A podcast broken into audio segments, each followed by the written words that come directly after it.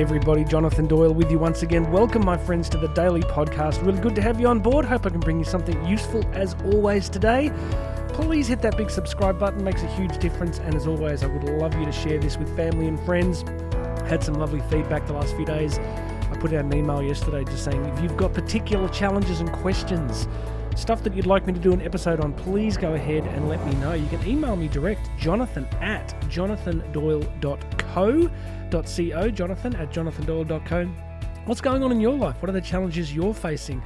You know, often uh, I just get these emails from people about, you know, this is difficult, this is difficult. So the next few episodes are going to really be covering some of the very real challenges that we face. Uh, last bit of housekeeping, please go and check the. Um, underneath here, you're going to find a bunch of links to coaching, to speaking. You can get free uh, e copy of my book. It's all there for you. So go and check out those links. Today, my friend, we are going to be talking about a really important topic. It's the topic of the toughest critic that you are ever going to face, the toughest challenger you are ever going to face. What I think is probably the biggest single opponent you will ever face. I believe we are living in a world right now where so much is externalized. The problems that we have, or that we perceive we have, are so externalized in terms of we blame the economy, we blame the government. We just think, well, if only our political party got in, then everything would be different.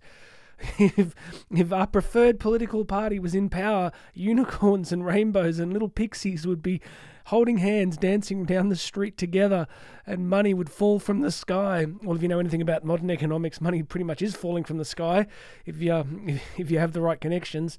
But uh, we just externalize everything, right? It's like oh, it's the environment, it's the weather, it's this, it's that, or I'll make change when this happens, or this external problem is fixed. It is so easy, my friend, to fall into the trap, the challenge of believing that if only X was different, then our life would be radically better.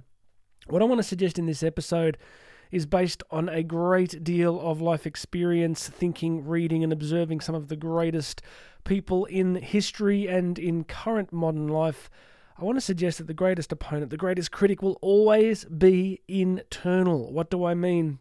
Friends, think about it. Your internal dialogue, your beliefs about yourself, uh, what you think you can change, what you think you can change about yourself, what you think you can affect in the world. This is the classic learned helplessness model, right? Like as soon as people believe that they really can't change or affect anything, they collapse into learned helplessness, which leads to depression, despair, and hopelessness.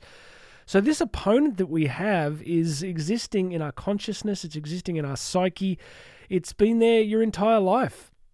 We don't need to delve too deeply into the roots today, but uh, it's there, right? It's this voice that says, Oh, you always do that. Or the voice that says, you know, instead of saying you always do that, it says, Oh, you could never do that. I mean, you lose both ways, right? It tells you you can't do this, and it tells you you always do this you we all hear it right now. It's different for each of us depending on how we were raised and childhood experiences and trauma and all sorts of different factors.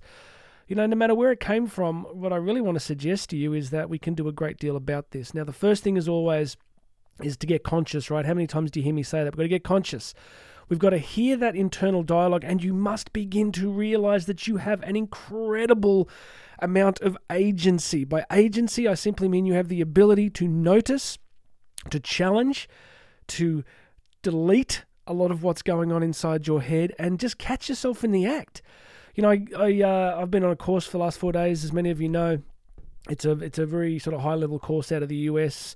They don't record it, so you got to do it live, and uh, it runs for 14 hours a day. It starts at midnight, and so I've basically slept off kind of two and a half hours sleep a day for the last four days, and today I've got to be out of the studio and I've got a really busy day. So of course I woke up this morning and uh, around five a.m. and I'm like, oh wow, wow, because normally I'm like you know out there and charging, but I'm like this is this is tough. Like I'm wrecked, and then the internal critic starts, so the eternal opponent going, "Oh man, you, you know you're not going to be able to do X today. You're not going to be able to get into the studio. You're not going to be able to do this," and then and then it starts um critiquing other people. It goes, oh, maybe maybe people aren't being supportive enough. Maybe maybe people don't really care about it. And, and you can hear it. And they're going, hang on, hang on, hang on, hang on. First step is like, oh, it's you. oh, it's you. I know you. You're the one that wants to steal my destiny. You're the one that wants to steal my purpose. You're the one that wants to hold me back. You're the one that wants to keep me exactly where I am in life. Step one, recognition. Step two, I just want to operate in a higher purpose. I just want to operate at a higher level and go, no, not listening. Gonna get on with it. Gonna choose how I respond in the world. Gonna choose how I relate to people. I have way more power than I realize, and I'm gonna get on with it. So, my friend, I just want to put that thought in your head today that the greatest opponent you will ever face is not external. It is not the government. It is not the economy. It is not the weather. It is not world events. Stop. Really, I would say just stop watching mainstream media. I mean, honestly, unless there are so many other forms of entertainment, because it is not in journalism, it's not, it's entertainment. All right, it's basically clickbait and fear-based fright bat bait that uh, is designed to convince you that the world is a dark, terrible place where nuclear Armageddon is only a step away. Friends, put it this way: if nuclear Armageddon is only a step away, two things. One, there's nothing you can do about it, and two, it's all going to be over real quick, right? So let's stop focusing on that because uh, there's nothing that almost any of us can do. So let's focus on what we can do, which was live today, live today the best we possibly can ignore, reject, delete the internal opponent, and get on with living this phenomenal life that you were created for, okay? Stop looking outside for the problems. The problem is inside, and the destiny is also inside, and the amazing capacity and potential and power is also inside. If you will recognize that distorted, antagonistic self that lives within you and refuse to participate in its pity party today. All right, go ahead, subscribe, go and check out all those links. Book me to speak, book me for coaching. It is all there. God bless you, everybody. My name's Jonathan Doyle. This has been the Daily Podcast, and you and I are going to talk again tomorrow.